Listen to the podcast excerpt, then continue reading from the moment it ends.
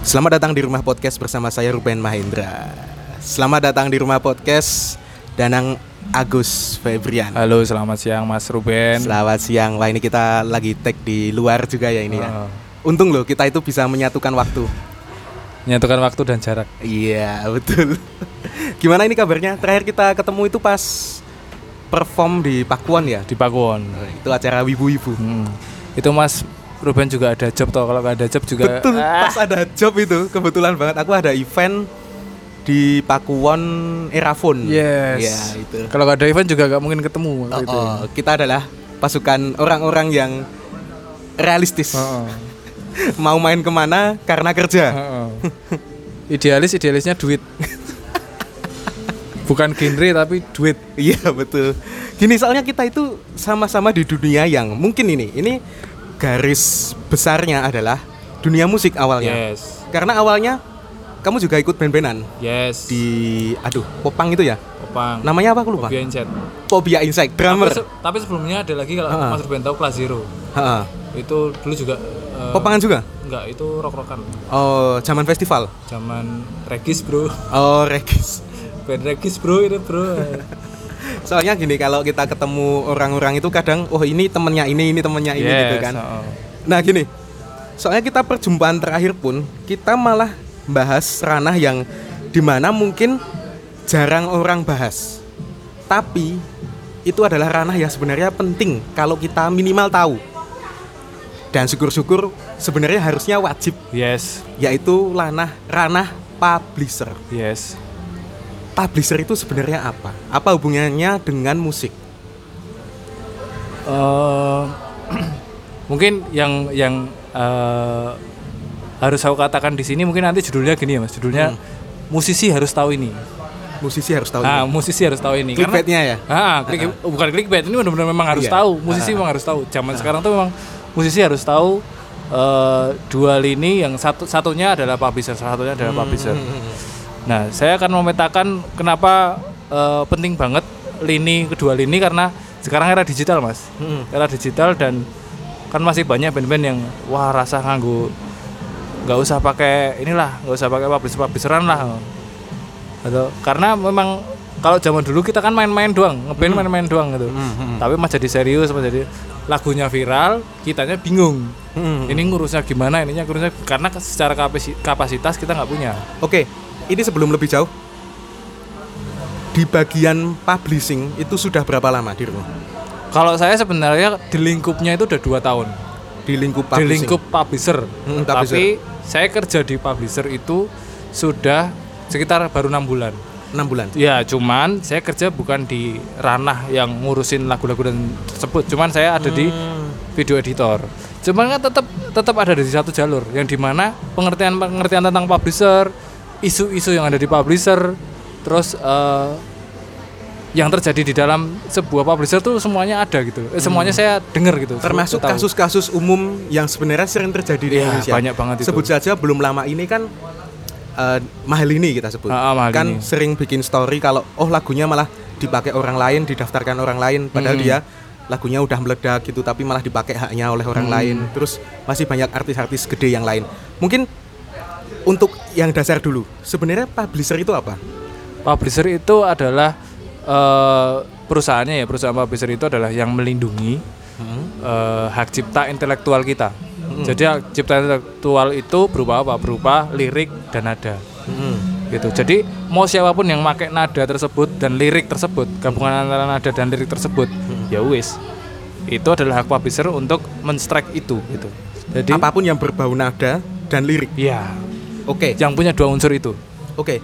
Terus yang mendasari perbedaannya apa di situ? Karena ini aku kan sedikit riset gitu kan. Kita di era digital ada yang namanya DSP, DSP ya. uh, digital streaming platform. yes. Karena sekarang kan pasti ya musisi itu uploadnya di digital. Ya di digital. Walaupun jarang manggung atau apa kan awal-awalnya meledak itu biasanya dari karya yang dikeluarkan di publik Iya. secara sosmed gitu kan. Terus apa bedanya nih? Karena kalau kita sebagai orang yang awam kan biasanya taunya agregator. agregator Agregator kan yang lebih ke uploadingnya ya, ya masternya. master Terus apa yang bedain? dengan publisher tadi. dengan publisher. Mm-mm. Nah, ini juga musisi itu kebanyakan masih masih eh, kita sebut saja Believe ya, agregator salah satunya Believe. Teman-teman musisi itu kalau dia udah daftarin di Believe, taunya dia udah masuk publisher. Mm. Padahal Believe itu bukan publisher. Believe itu adalah agregator, Oh ya. gitu loh. Jadi agregator, teman-teman punya lagu, teman-teman ngerekam eh, menjadi sebuah master, didaftarkan ke agregator. Itu nanti DSP akan melindungi eh, lagu-lagu yang didaftarin berupa masternya. Tapi DSP itu tidak bisa melindungi berupa lirik dan lagunya. Ketika orang mengcover memakai lirik dan nada tersebut, DSP nggak bisa mengcounter itu. Yang bisa mengcounter itu ya publisher. Oh ya. Oh ya. Mungkin untuk bahasa sederhananya master tadi master itu yang dimaksud MP3 WAV MP3 dan lain-lain hasil gitu ya? rekaman ya, Oh, hasil rekaman. ya. Jadi kalau mahal ini eh, dia merekam sebuah lagu harusnya pertama dia eh, mungkin ya sudah tetap tetap yang saya heran kenapa dia bisa bisa apa namanya bisa terjadi kasus seperti itu apakah segede mahal ini Hmm. masternya tidak didaftarkan di DSP nah itu segede mahal ini loh apalagi yang musisi-musisi yang tidak tahu apa-apa Mm. yang sudah yang baru musisi-musisi awal kan juga nggak tahu bro Mm. karena kan kebanyakan musisi sekarang tuh nggak ada yang masuk ke band regis nggak ada yang masuk ke nongkrong-nongkrong ke musisi lain dia bikin band terus langsung bikin video klip ya wis dia maju kono Mm. dia tidak tahu apa itu agregator dia tidak tahu apa itu eh, publishing gitu Nah ini yang menarik adalah setauku karena albumnya mahal ini yang Fabiola itu termasuk top 10 chart Spotify ya. Ya. Berarti kan secara DSP dia sudah ada. dia sudah ada Nah ini mungkin salah satu peranan publisher itu di sini. Ada sesuatu mungkin di situ. Bahwa gini, katakanlah gini. Dulu kan sempat ada kasusnya yang siapa itu Payung Teduh ya yang punya lagu akad lagu akad terus di cover sama siapa itu? Hanindia Hanindia bahkan Payung Teduh sampai uploading ulang lagunya. Gara-gara Hanindia lebih besar secara angka daripada Payung Teduh. Nah itu mungkin perannya di situ ya publisher itu. Karena dia kan cover bukan secara masternya.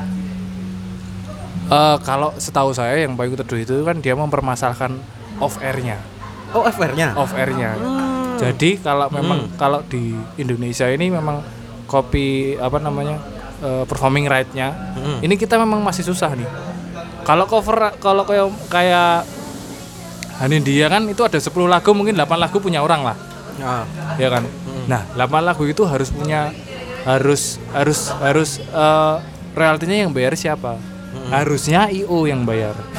Bukan dari artisnya. Mm-mm. Nah, Payung Teduh itu mempermasalahkan eh, performing rate-nya. Mm. Iya kan? Bisa sampai s- ratusan juta sekali manggung.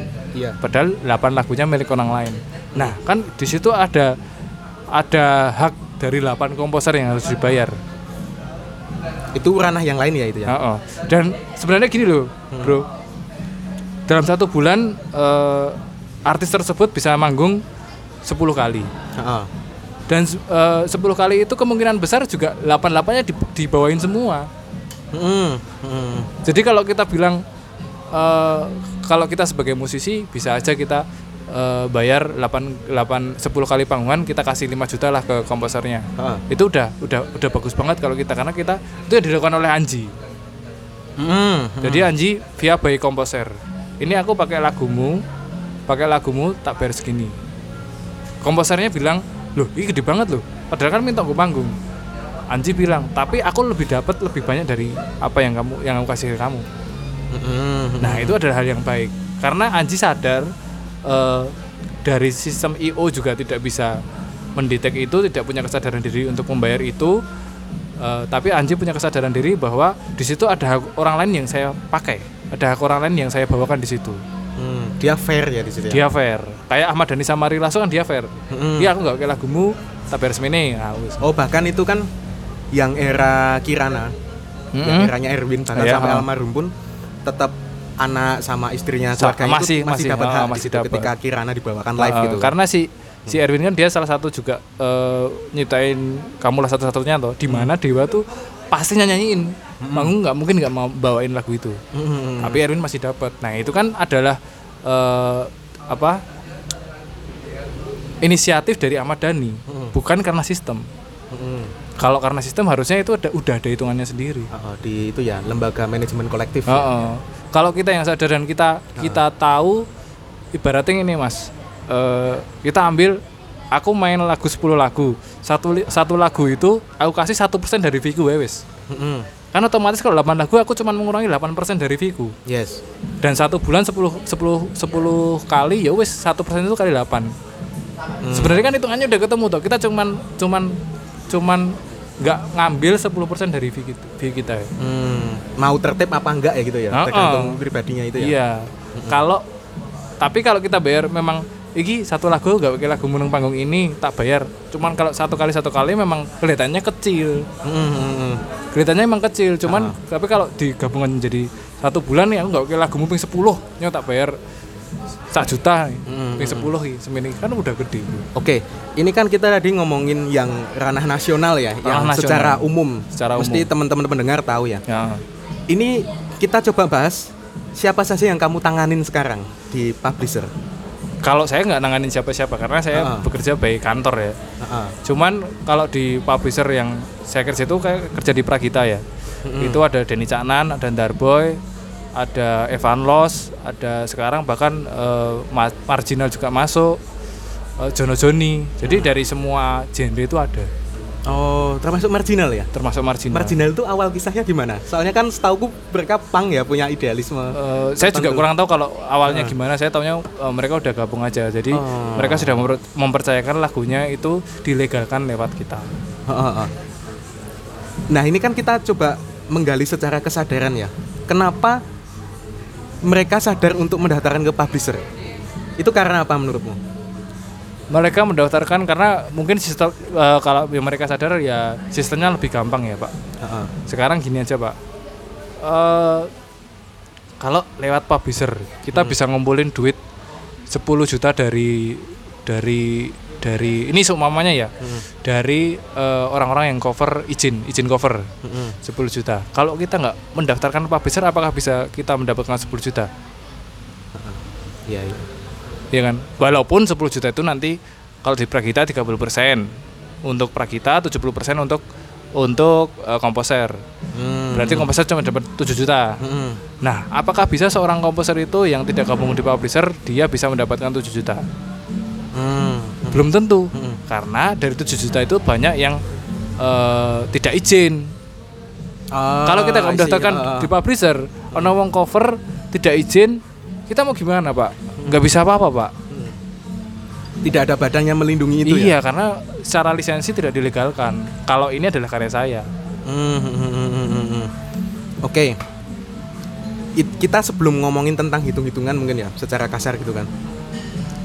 Itu kan tadi secara kesadaran biasanya orang udah tahu. Secara awal dulu deh langkahnya. Kenapa mesti gabung publisher?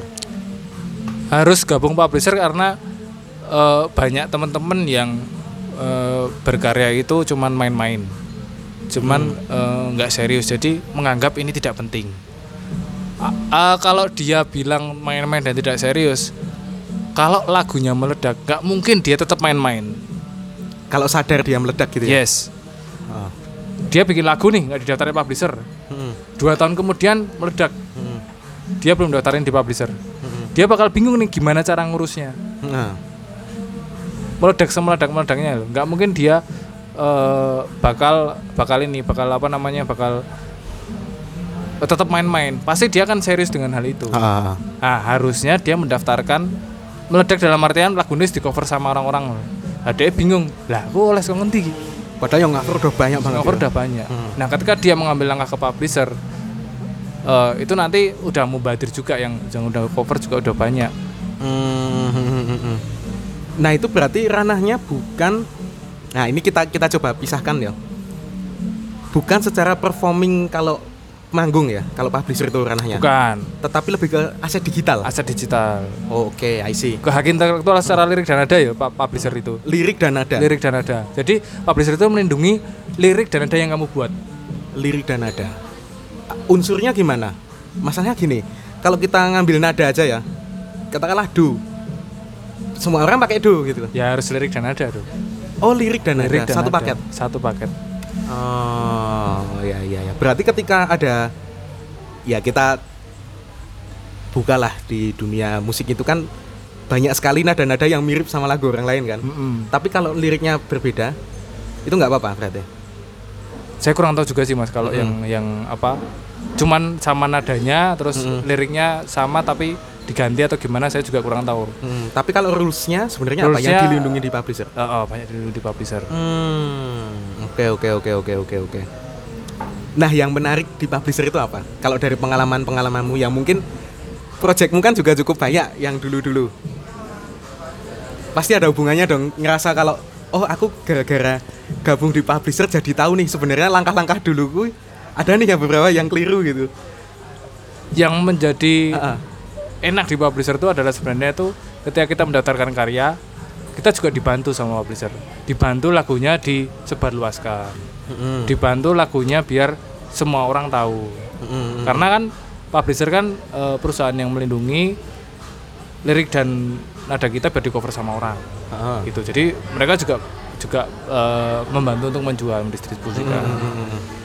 gitu Dibantunya itu dalam apa aja ranahnya? mendistribusikan biar di cover sama orang Mm-mm. biar eh, apakah kita bisa ada aneka safari record YouTube Ah. kita bisa menjual lagu kita ke sana po kalau kita nggak punya link ke sana ya kita nggak boleh bisa Oh, salah satu perannya publisher itu di situ. iya mereka kan punya punya sistem di mana eh, kayak marketing menjualkan lagu tersebut ke orang-orang Mm.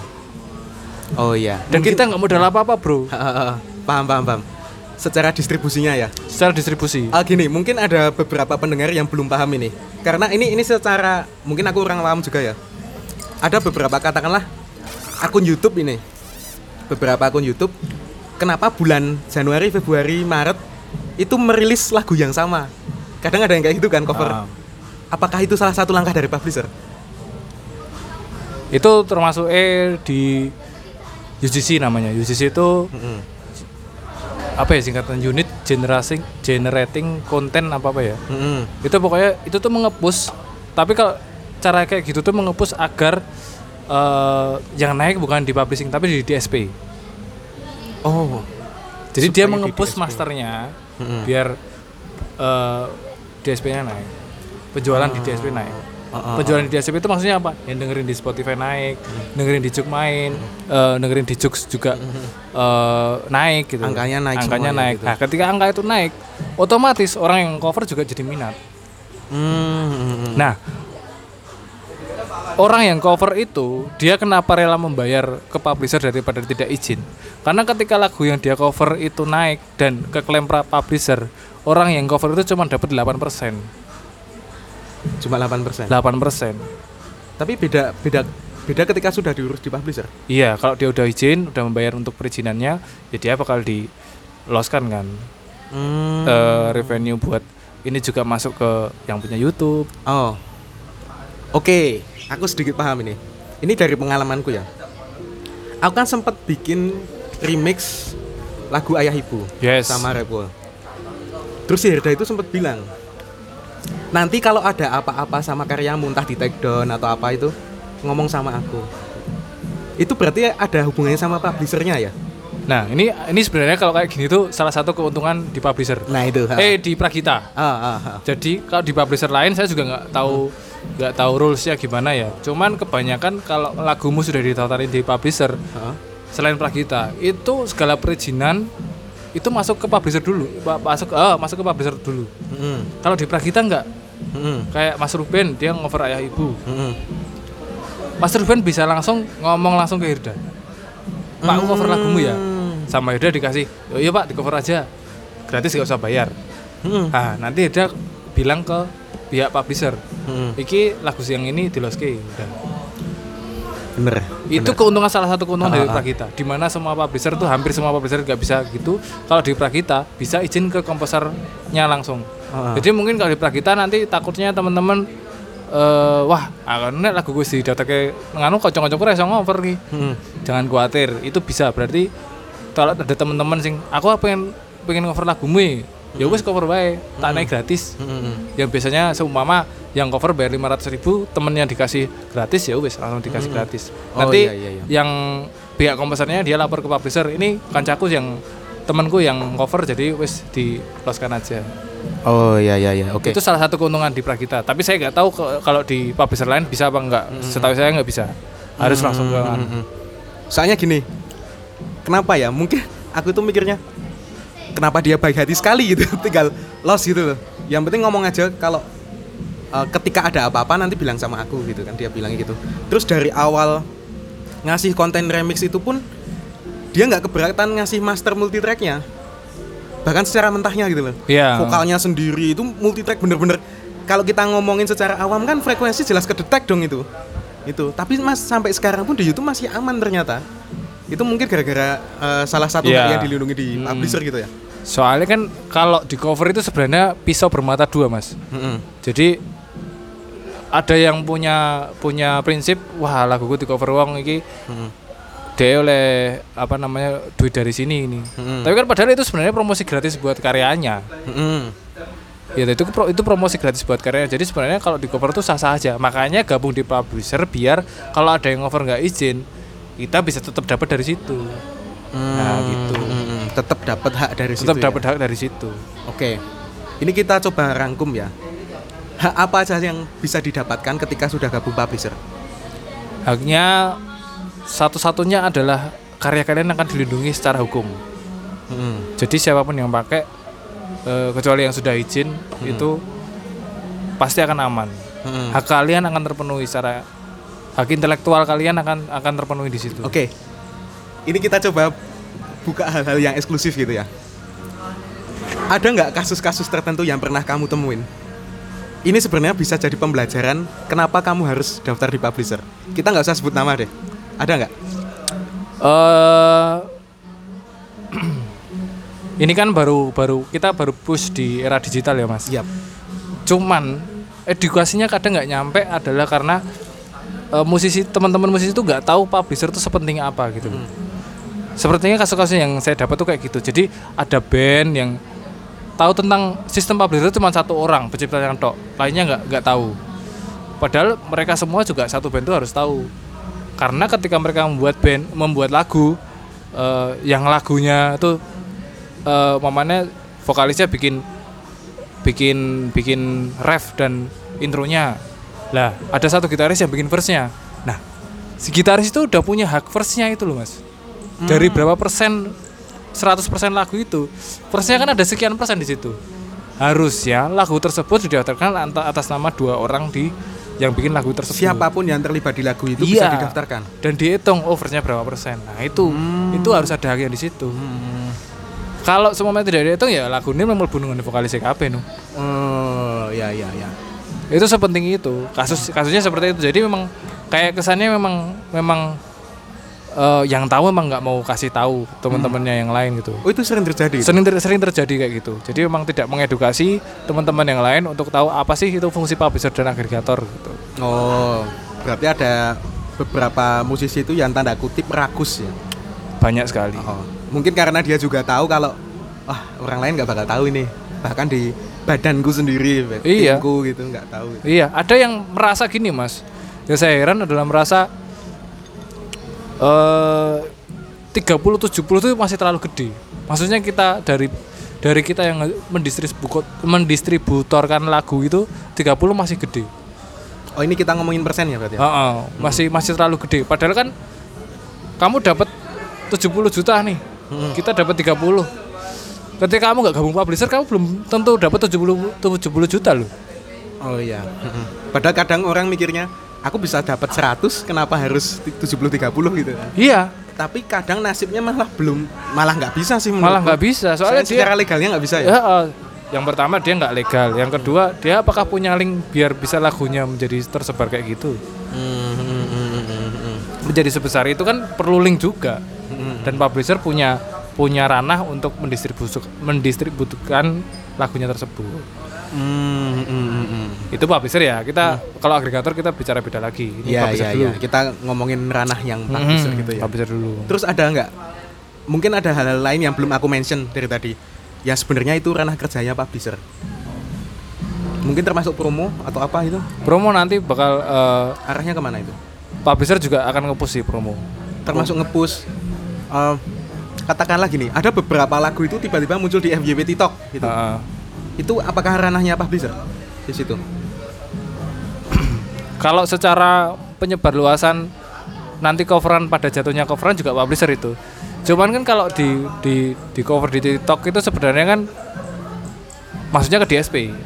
oh DSP-nya Maksudnya ke DSP. Jadi Berarti hubungannya sama agregator agregator, oh ya ya ya ya master ya master. Tapi kalau ah gini. Kan tadi kita sudah ngomongin tentang ranah nada dan lirik ya. Kan ranah lingkupnya publishing itu tuh di situ toh. Iya. Ap- eh, apa itu? Harus ke lirik dan nada. Kalau katakanlah remix, remix dengan pitch yang berbeda dan nada yang diubah. Itu bagaimana publisher? Apakah tetap melindungi haknya yang menciptakan lagu atau harus sama unsur secara lirik dan nadanya? Soalnya Ini- ada orang-orang yang nakal ya diganti judul gitu kan banyak Ya, sekali kan kita temui kasusnya. Itu kalau kalau kalau kalau kayak gitu saya agak kurang paham. Mm-hmm. Saya takut salah ngomongnya. takut salah ngomongnya. itu.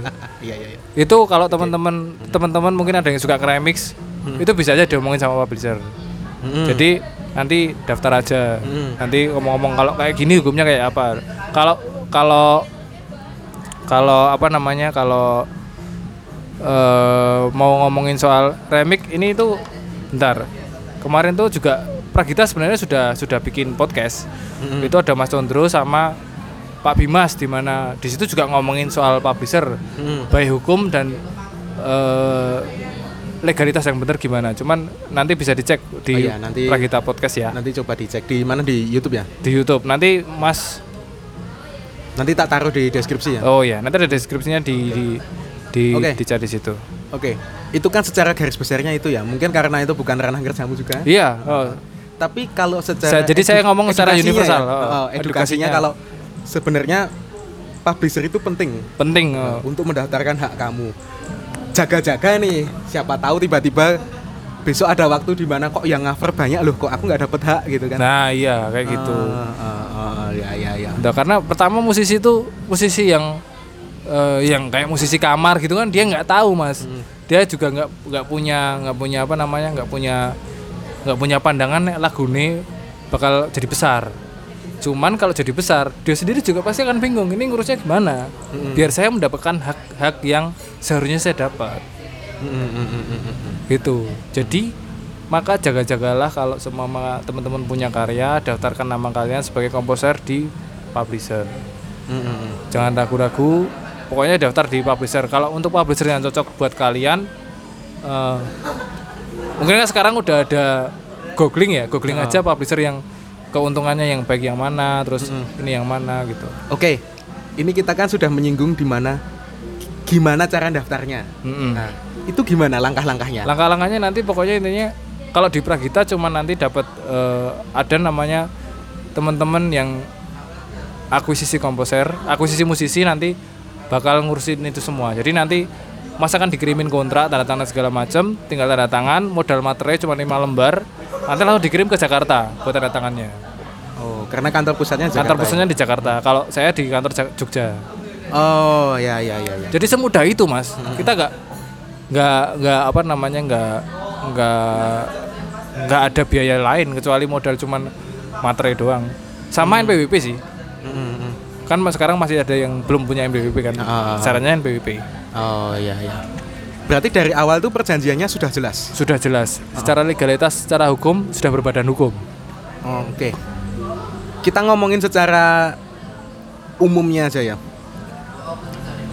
Apa saja yang dibutuhkan ketika aku mau daftar di publisher? Yang dibutuhkan Legal tadi jelas ya. Harus Legal. ada apa itu? Materai. harus apa? ada materai. Cuman itu mas. Oh. Cuman itu. Teman-teman belum punya karya pun udah bisa daftarin dari awal. dari awal. Hmm. aku mau bikin lagu saya belum punya karya saya daftarin kayak saya nih saya kemarin juga gitu saya belum punya lagu tapi saya sudah mendaftar- mendaftarkan saya sebagai komposer di Pragita Hmm. saya belum punya karya loh Hmm. tapi saya udah bisa mendaftar sebagai komposer Dari awal berarti tahu-tahu itu ya kalau ke depannya kita kan nggak Tahu-tahu gitu. saya bikin lagu, saya Hmm. nama saya sudah terdaftar di Ah, komposer. sudah. Nanti kalau saya udah ada lagu, lirik saya kirimkan ke Pragita nih. Hmm. Saya kirimkan ke publisher nanti sama publisher publisher sudah diolah. Oke. Berarti langkah kerjanya gimana nih? Kalau secara musisi nih, kan kita uploading di DSP lewat agregator. Mm-mm. Langkahnya publisher itu di mananya? Nanti kita tinggal kirim link itu Mm-mm. ke publisher. Ini laguku, judulnya ini. Udah selesai. Sesimpel itu ya. Sesimpel itu. Mm-mm. Nggak nggak ribet-ribet amat. Mungkin ribetnya cuman di awal sih. Teman-teman nanti dikasih kontrak. Emang kontraknya eh, mungkin 5 lembar sampai 6 lembar gitu. Sama Kurang modal lebih apa materi. isinya itu? Isinya nanti teman-teman daftar aja. Saya juga lupa. Saya ya juga itulah lupa. legal ya. Legal pokoknya legal. Dan juga transparasinya, Mas. Banyak publisher yang transparasinya kurang jelas. Ibaratnya gini, Nah itu. oh, oh. Saya dapat 100 juta. Tapi saya dapat 100 juta ini dari mana? Tidak tahu kita. Tapi kalau di publisher yang saya naungin itu transparansinya jelas. Itu Ada dashboardnya. itu monitoringnya berarti bisa online Ada gitu mulai- ya? Kelihatan ya? Oh, kelihatan. Hmm, termasuk persebaran musiknya di mana itu kan ada statistiknya. Kita dapat uang 1 juta nih. Hmm. Satu jutaan dari mana? Oh, dari ini, dari ini, dari ini. Gitu. Oke, berarti penting banget ya ketika kita punya karya, apalagi sekarang ranahnya digital, Mm-mm. publisher itu sangat membantu kita. Iya, apalagi digital mas. Digital itu kan eh, transparansinya lebih bisa diolah lagi. Hmm, hmm, hmm. Jadi kalau kita dapat satu juta ini, apakah menurut kita udah gede, Hmm. tapi ternyata kita dapat 20 juta kan kita nggak tahu kalau transpas- transparansinya nggak jelas. Hmm, hmm, hmm. Oke, oke, oke.